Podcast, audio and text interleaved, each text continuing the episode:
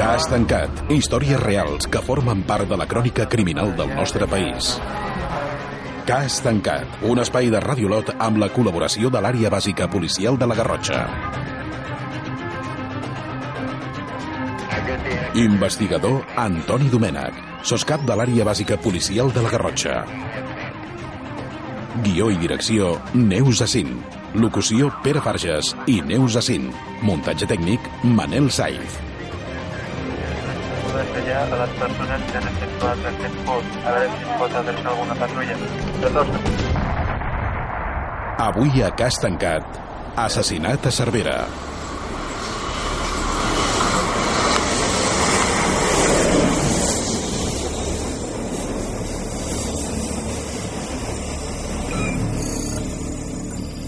Quinze de febrer, comissaria de Cervera, dos quarts de vuit del matí.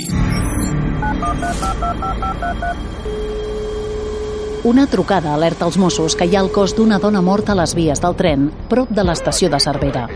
L'ha trobat el conductor del tren de dos quarts de vuit del matí, que, en passar-hi per sobre, ha aturat el comboi. L'alarma salta en el tren de les set i mitja del matí. Però els fets, com després es demostra, havien passat al voltant de les cinc i mitja, sis menys quart. El primer tren que passa en aquesta hora, que és el que passa per damunt del cos, eh, no se'n dona compte. I és el segon que ja és de dia, que se'n dona compte que també li passa pel damunt i llavors para uns metres més enllà. Llavors és quan salten totes les alarmes. Via del tren. Dos quilòmetres més endavant de l'estació de Cervera. Direcció Lleida. 6 graus sota zero. Els efectius de l'àrea bàsica marxen immediatament cap al lloc dels fets i s'avisa als investigadors de la regió de Lleida i de la Unitat Central de Barcelona. Quan els investigadors arriben, es troben amb una imatge impactant.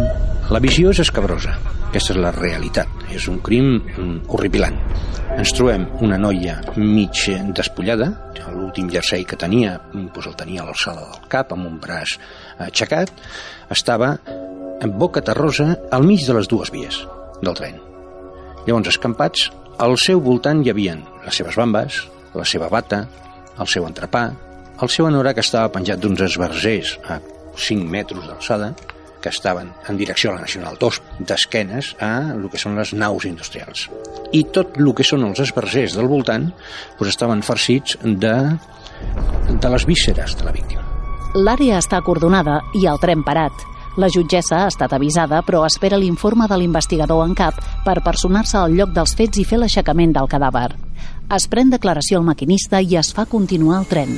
Va continuar la seva marxa perquè ell no havia afectat amb res l'escena del crim. Ni ell, ni, ni la seva màquina, ni el tren anterior. Per què? Perquè hi havia una alçada considerable entre el, el, el, el fons de la màquina i el cadàver. El que vol dir que no van tocar el cadàver, ni el primer tren ni el segon. Mentre alguns agents, a una certa distància, comencen a gravar l'escenari del crim i a senyalitzar les diferents peces que en formen part, l'investigador en cap va veure la jutgessa per exposar-li la situació i acompanyar-la a fer l'aixecament de cadàver. En un primer moment, la jutgessa havia cregut que es tractava d'un suïcidi, però els investigadors saben de seguida que allò és un crim i ho corroboren quan giren el cadàver. Ja m'havien dit al cap de torn que la jutgessa havia dit, bueno, esto seguro que serà un, suïcidi. Bueno, jo vaig a veure-lo i dic, "Mm, va ser que no. Llavors va venir ella i va venir la forense. Veuen, veuen el mateix que veiem nosaltres, nosaltres continuem la nostra feina, li diem, bueno, podem tocar el cadàver ja? Ella diu, sí, sí, i la forense li dona la volta. Clar, eh, si descrivim el cadàver un cop donada la volta, tenia un fort cop al cap, pràcticament se li veia el cervell, a la, la part frontal, tenia signes d'estrangulament amb les mans, tenia una mossegada en el pit, i li havien, bueno, l'havien desgarrat per les seves cavitats corporals més íntimes, les dues de baix, i per allà li havien tret tots els budells. Això dic que és esgarrifós, esgarrifós perquè això no ho fan ni a l'edat mitjana. Davant d'aquests fets, el cas passa a ser considerat un assassinat i amb un grau de carnissament molt important. Al donar la volta al cos de la víctima, però, no només corroboren aquest diagnòstic, sinó que troben, per sorpresa, part de l'arma del crim. Trobem dos parts de la peça alta d'un cadenat d'aquests que agafa el volant del vehicle amb el embrague. Clar, a baix hi ha el ganxo i a la part de dalt hi ha la braçadera que té la clau per tancar al voltant del, del volant. Pues allà hi havia dos trossets, un d'ells era el candau, on es posa la clau per tancar, i faltava el que era el ferro. Automàticament, l'investigador ordena als agents de camp que busquin l'arma pels voltants i la troben de seguida entre uns matolls una mica més enllà de les vies. Un cop fet l'anàlisi del cos i de l'escena del crim i trobada l'arma, ara cal identificar la víctima. Una tasca que no resulta difícil. Hi havia la cartera, hi havia les claus que les vam trobar també llançades, la cartera llançada, les claus llançades, però a part d'això hi havia la bata de l'empresa. Dos dels nostres homes van anar a l'empresa i van preguntar qui ha faltat, i en seguida ens ho van dir. Ha faltat, doncs mira, no, no ha vingut a treballar, que és raro, perquè no falla mai. La Marina, clar, ja sabíem qui era. Comissaria de Cervera. L'equip d'investigadors es tanca en una sala amb tota la documentació i proves que han obtingut fins al moment per començar a enfocar el cas i repartir la feina. El tipus de crim en si ja dona algunes pistes per poder continuar la investigació. A l'hora d'assassinats, a l'hora d'homicidis, hi han els, els que eh, són produïts per l'activitat delictiva de l'autor.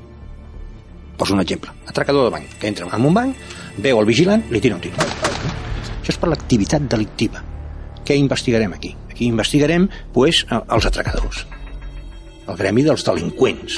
Si ens n'anem a un crim d'aquest caire, i a més a més tan brutal, això ens diu que això és passional.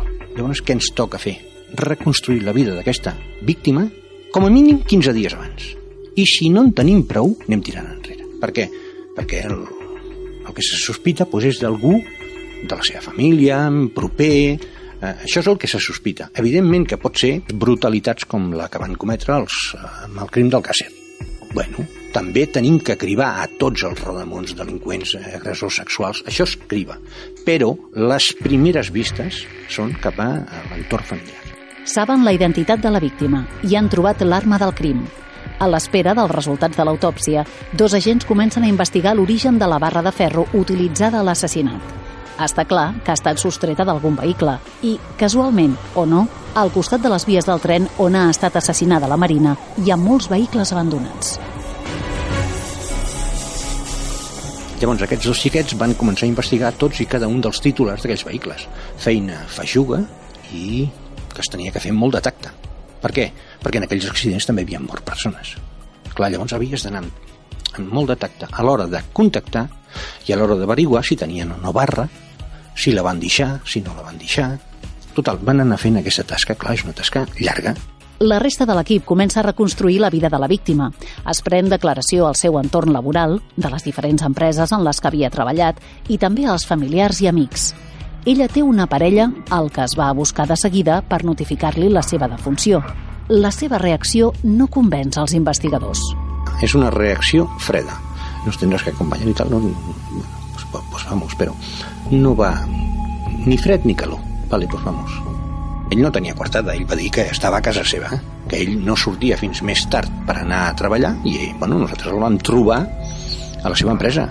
Casualment va tenir que passar per davant d'on havien passat els fets. Per davant mateix. Però ell no havia vist res però una sensació no és una prova, de manera que cal continuar investigant. L'entorn de la parella, en un primer moment, explica que eren molt feliços i que no hi havia cap problema però quan els investigadors van aprofundint més en les preguntes, descobreixen que no tot era tan bonic com semblava. Els més íntims, els que anaven amb ells, els que anaven amb ells de festa, doncs jo entenc que diguessin que sí, sense parar a pensar en un primer moment que la seva parella fos capaç de fer això. Per què? Pues, bueno, perquè els coneixen, perquè surten, perquè no sé què. Però clar, quan els hi vas donant temps perquè pensin, diuen, home, és que és una miqueta estrany. És que clar, l'està separant de tots els seus amics no deixa que cap noi estigui al seu, al seu costat, no li permet i sempre està indagant i aquest, i aquell, i aquell, i això ho veuen. Però clar, d'un primer moment no t'ho diuen, és quan vas escarbant. Clar, llavors ja vas veure un caràcter possessiu d'aquesta persona.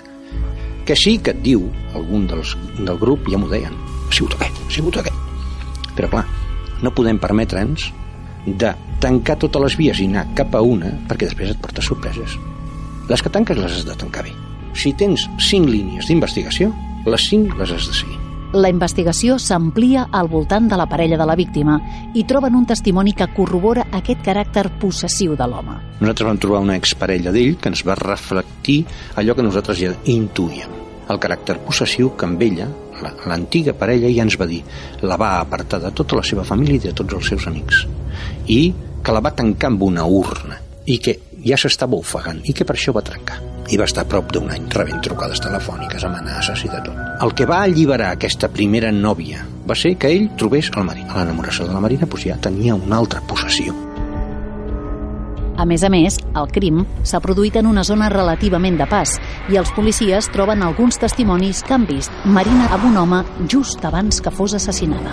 Tenim testimonis, testimonis de que veuen un home, una persona, però cap ens pot o ens vol dir que havien vist el marit d'aquesta xiqueta.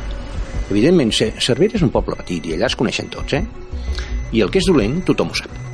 Bueno, doncs sí que hi havia testimonis que havien vist una figura, un, un camioner que entrava a l'empresa, l'altre que aparcava el cotxe, però ningú va reconèixer ningú. El mateix eh, conductor d'un dels eh, camions que entrava a l'empresa d'enfront on van passar els fets ens diu, no, no, és que eh, la xiqueta aquesta que heu trobat es va parar per deixar-me entrar a mi. I a l'altra banda de l'entrada vaig veure la figura d'un home. Evidentment no puc reconèixer ningú, però jo sé que... I llavors, a l'entrar, me'n vaig donar compte de que eh, el noi s'acostava amb ella, l'agafava pel braç i se n'anaven cap a la via. Com si fossin nòvios, com algo així va dir. Clar, bueno, el testimoniatge el teníem dels, del moment dels fets. Sabíem quan havia passat, però no teníem ningú que reconeixés a l'autor. Comissaria de Cervera. Els investigadors es reuneixen per analitzar tot el que tenen fins al moment. El tipus de crim apunta a passional. La parella de la víctima té un caràcter possessiu, segons els testimonis, i no té coartada en el moment dels fets. Altres testimonis asseguren haver vist un home amb ella moments abans del crim. Però no hi ha cap prova ferma que suporti les sospites dels investigadors. El cas està encallat. L'encallament va venir al reconstruir els 15 dies. Quan fem els 15 dies i veiem que tot apunta cap al company, però no hi ha res material per poder demostrar, aquí ja comences a enrabiar-te amb tu mateix. Quatre mesos més tard. Divisió d'Investigació Criminal. Barcelona. L'investigador en cap del cas rep una trucada.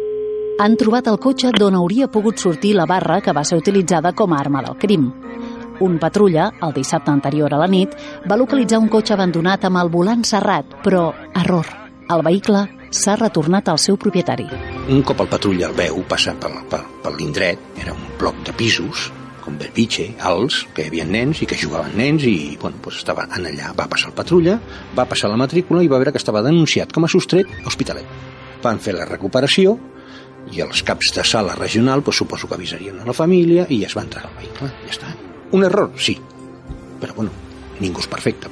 Automàticament nosaltres ens anem a veure la senyora i li diem, escolti, mm, vostè tenia una barra? I em diu, sí, clar que la tenia, però no està al cotxe. Ah, i quan li van robar el vehicle, van fer números i no li ha passat. Em diu, sí, em va tornar a passar. Em va passar fa quatre mesos, em van robar el vehicle, però me'l vaig trobar al carrer de baix d'on jo l'havia aparcat.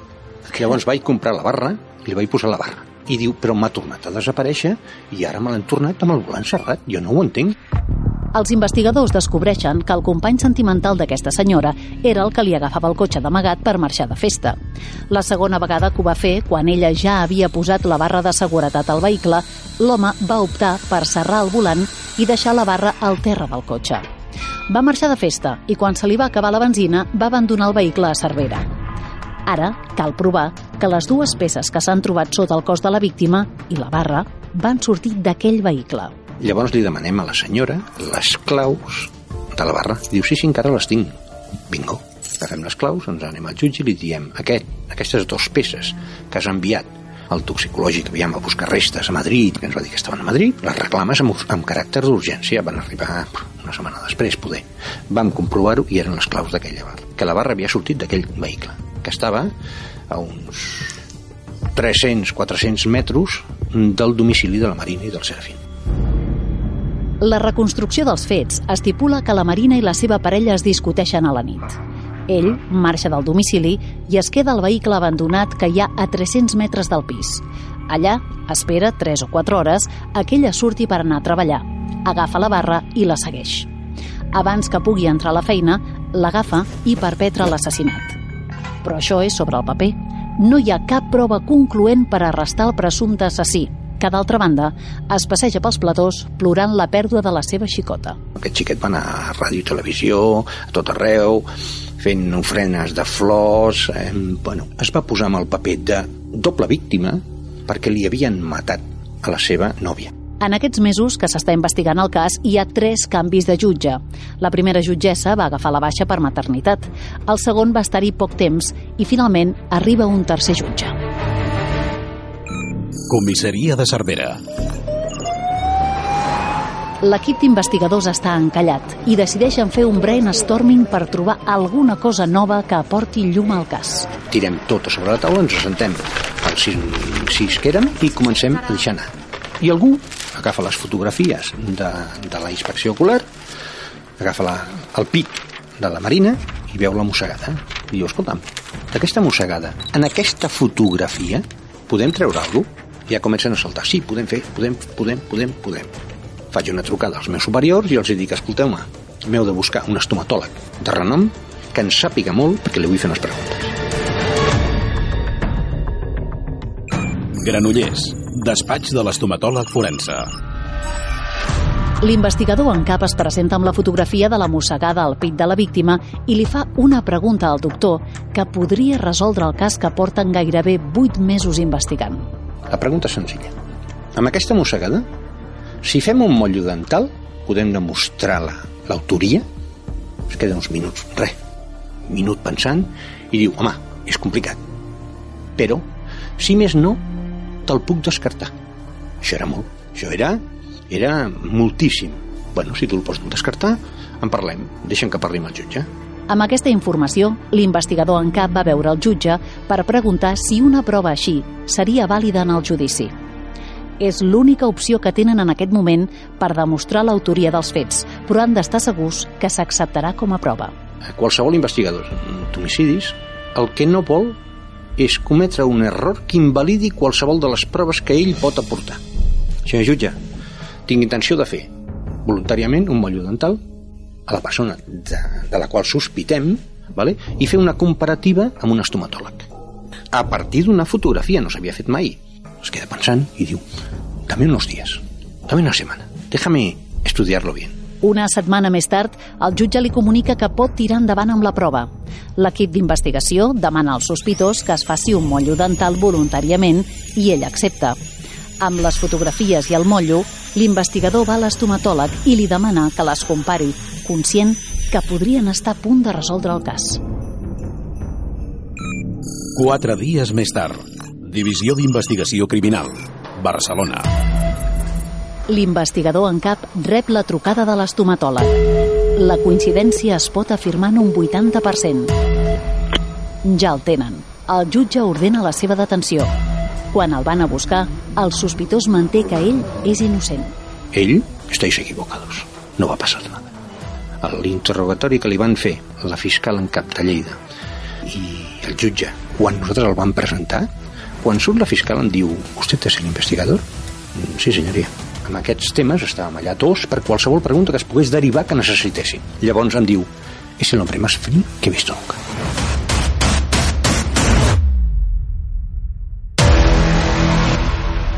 El jutge ordena de nou fer un motllo dental i anomena tres pèrits per avaluar la prova. Els tres coincideixen en confirmar la seva culpabilitat i la parella de Marina és condemnat a 36 anys de presó. L'error de l'assassí a l'hora de deixar el cos a les vies del tren i l'ocurrència dels investigadors d'elaborar una mostra a partir d'una fotografia han permès tancar el cas. El més greu error que va cometre, saps quin és? Agafar el cos i llançar-lo a dintre de les vies del tren. Perquè si el deixa cruzat, queda destrossat tot. L'error va ser, ala, a dintre, ja, ja el destrossarà, perquè ell va estar fent la feina a sobre d'un dels rails. I llavors li va donar mitja volta i el va llançar cap a dintre. Aquest és l'error que va cometre més gros. I tingues en compte una cosa, que durant vuit mesos, que és la paradoxa, per dir-ho d'alguna manera, durant vuit mesos, si el senyor Serafín se li cau una dent o es trenca una dent, ell avui dia està lliure. i poder gestant un altre assassinat. Cas tancat.